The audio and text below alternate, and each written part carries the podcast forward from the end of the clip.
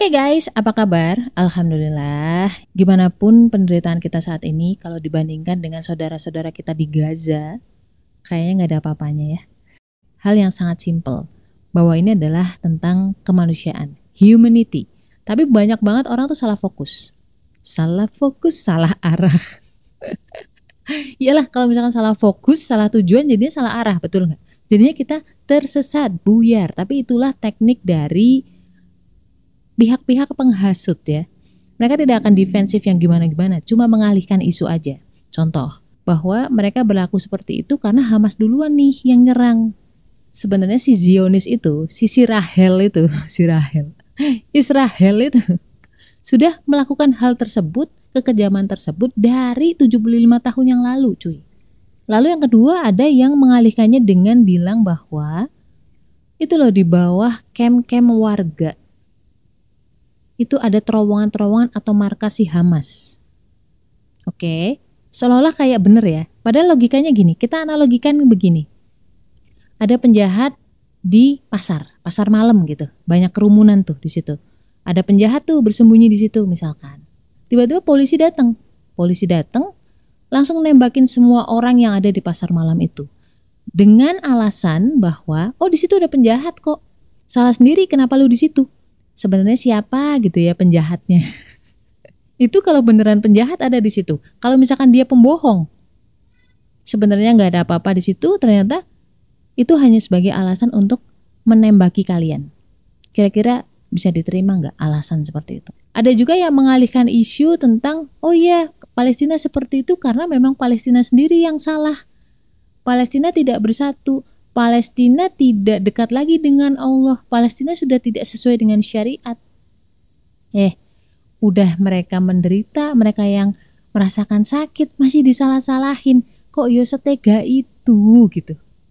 Di saat semua warga Gaza itu kehilangan saudara, kehilangan rumah, mobil, uang, bahkan untuk makan minum saja tuh sulit. Untuk hidup aja tuh sulit. Sampai aku melihat video tuh ada bapak-bapak itu ngambilin genangan air di aspal.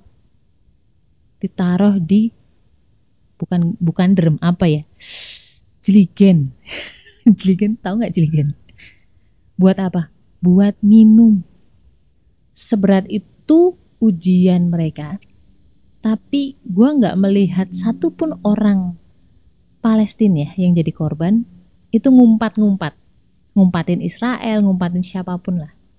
Respon pertama kata-katanya adalah ya Allah, alhamdulillah, pokoknya langsung dikembalikan ke Allah. Itu aduh berat ya. Ketika kita didolimi sama orang kan otomatis fokus kita pasti ke orang itu kan. Pengen nyerang balik orang itu kan. Itu udah fitrah manusia. Tapi mereka enggak. Mostly yang mereka keluarkan kata-katanya adalah kalimat dikir tahmid tauhid dan ini yang membuat gelombang mu'alaf di dunia itu semakin besar. Karena kok bisa ya orang sudah segitu kepepetnya, segitu menderitanya, mereka masih tetap berterima kasih sama Tuhannya. Gue tuh pengantarnya jadi panjang banget ya cuy.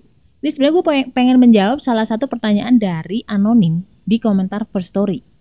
Kak, gimana caranya ngadepin atasan yang sering mengkritik kita di depan semua orang? Grup kantor, di depan rekan kerja yang lain. Sebetulnya aku nggak masalah kalau diberi kritik, tapi nggak di depan semua orang. Aku sering banget down karena hal ini. Apa emang akunya yang terlalu sensi ya? Mohon sarannya dong kak, biar aku tetap tahan dan sabar. Terima kasih. Jadi di sini yang perlu lu highlight adalah lu punya keinginan untuk bersabar. Lu punya keinginan untuk bertahan, oke? Okay? Assalamualaikum. Gimana kabar lo? Alhamdulillah. Apakah lo lagi ngerasa kesepian? Atau sendirian? Kenalin, gue Ria Marliana, teman healing lo di podcast Self Healing. Di sini kita bakal ngobrol bagaimana sih belajar berdamai dengan luka, tentu aja atas izin Allah Subhanahu wa taala. Semoga Allah sembuhkan lukamu, ringankan bebanmu dan kuatkan hatimu. Yang pertama, betul bahwa mau dimarahin, dikritik, dinasehatin kalau itu di depan forum, di depan umum, itu yang kena adalah harga diri lo Kan sesuai dengan hadis Nabi ya, bahwa memberi nasihat aja itu tidak boleh di muka umum. Karena apa? Risiko yang kena egonya, rasa malunya. Sehingga bukannya membangun, malah jadi demotivasi atau destruktif. Nah untung kamu nggak dendam coba. Kalau ada orang-orang yang dendam itu gimana? Kan lebih bahaya lagi. Bukannya fokus untuk menyelesaikan masalah kerjaan, malah nanti perang perang dingin atau perang saudara. Atau apa? Perang politik, drama kantor. Nah, sekarang pertanyaannya, kenapa sih bos lo itu ngomong di depan umum untuk masalah kritisi, kritisi, kritisasi, ah ngomong apa sih? Pokoknya gini, kenapa sih bos lo sampai mengkritik lo di depan umum? Ayo, ngelihat kamu golongan darah itu, lo adalah orang yang pintar mendebat atau membalikan uh, membalikan lawan bicara apa sih? Membalikan argumen. Dan sepertinya bos lo itu tidak mau kalau misalkan ada pertentangan atau ada bantahan atau ada debat gitu. Why? Bisa jadi bos lo memang tidak pandai debat. Makanya dia menggunakan powernya dia sebagai pimpinan lo dengan cara mengkritik lo di depan banyak orang agar semakin memperjelas bahwa ini lo gue bos lo, bos lagi, gue bos lo, Kenapa lu ngebantah gue? Lu nggak akan berani kan ngebantah gue di depan umum karena apa? Gue di situ terlihat seperti ya gue pimpinan lo, lu nggak boleh ngebantah. Dan di posisi seperti ini lo jadi serba salah. Kalau lu ngebantah, lu terlihat salah, makin terlihat salah, bener nggak? Lu makin terlihat defensif. Kalau misalkan nggak ngebantah, seolah-olah yang dituduhkan atau yang dikritik bos lo itu adalah kebenaran. Padahal mungkin itu hanya point of view dia aja. Analoginya gini deh, kalau misalkan uh, ngomongin tentang Gaza gitu ya. Dulu itu Israel atau Zionis gue sebutnya. Itu kan selalu mengkambing hitamkan, selalu menuduh-nuduh, nge-share apa ya ngomongnya apa ya, jelek-jelekin lah. Jelek-jelekin uh, warga Palestina, kasar, brutal, suka kekerasan dan kawan-kawan lah, ya kan? Kalau misalkan saat itu penduduk Palestina itu menyerang balik orang Israel, yang terlihat salah itu siapa? Warga Palestina. Dan itu udah terjadi. Dunia mengira bahwa memang Israel lah yang ter terzolimi. Karena sebelumnya si Israel ini udah menghasut duluan tapi begitu zaman sekarang dibuktikan dengan mata kepala kita, dengan banyaknya jurnalisme-jurnalisme warga dari orang-orang di Palestina sana, di jalur Gaza, baru ketahuan, oh ternyata yang jahat itu sih Israelnya. Jadi kalau saran gue ngadepin bos lo itu lo harus tahu posisi lo itu saat ini seperti apa. Jangan sampai ketika lo defense lu ngebantah, lu melawan, itu malah justru akan berbalik. Ada saatnya kita harus sabar dulu. Gue nggak nyamain Israel sama bos lu loh, enggak. Cuman case-nya itu adalah di mana posisi kita itu bisa menjadi bumerang. Kalau misalkan kita mau membela diri. Kalau saran gue adalah ketika lagi dikritik, diapain, ucapin yang sederhana aja. Lu bisa diem aja, lu bisa bilang terima kasih, lu bisa bilang oke, okay, baik. Biarin aja biar dia tuh bos lo tuh merasa tenang merasa bahwa masukannya ke lo udah oke okay, dia di atas awan dulu. Kamu jangan kebawa permainan itu. Artinya lu jadi merasa down lu jadi merasa demotivasi jangan.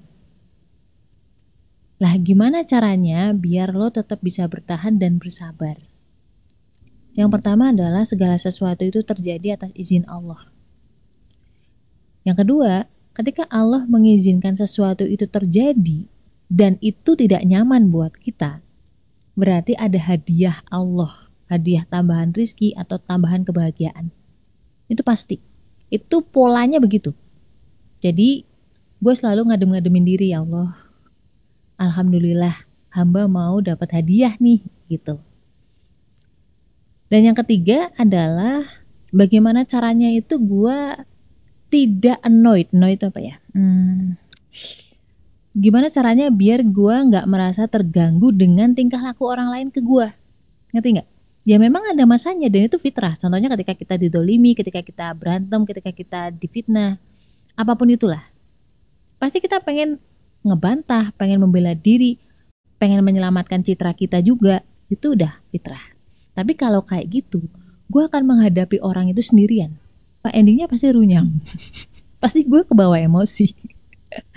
Ketika lo bisa bersabar, lo berdoa sama Allah, dan di saat seperti itulah justru Allah yang ngebelain kita.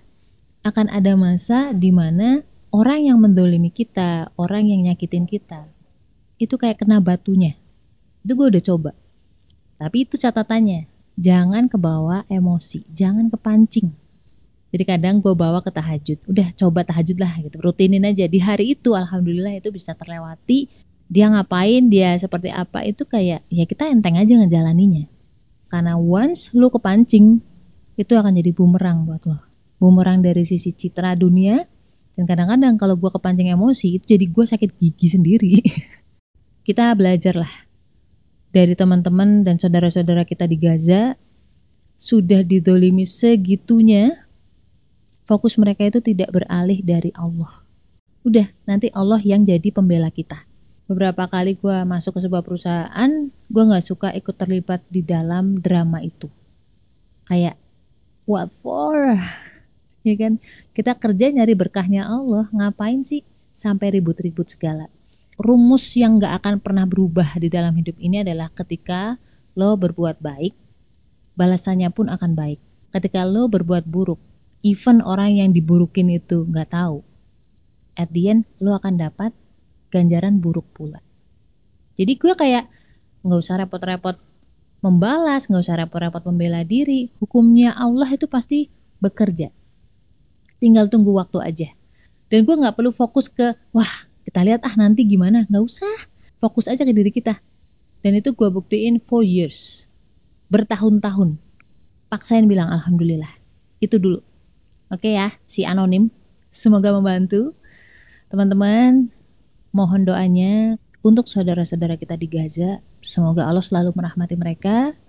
Semoga Allah menguatkan mereka dan segerakan kemenangan atas mereka.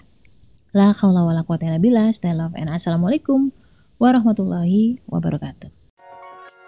Buat teman-teman yang pengen nambahin cerita gue atau pengen nanya-nanya, boleh banget klik link komen di bawah.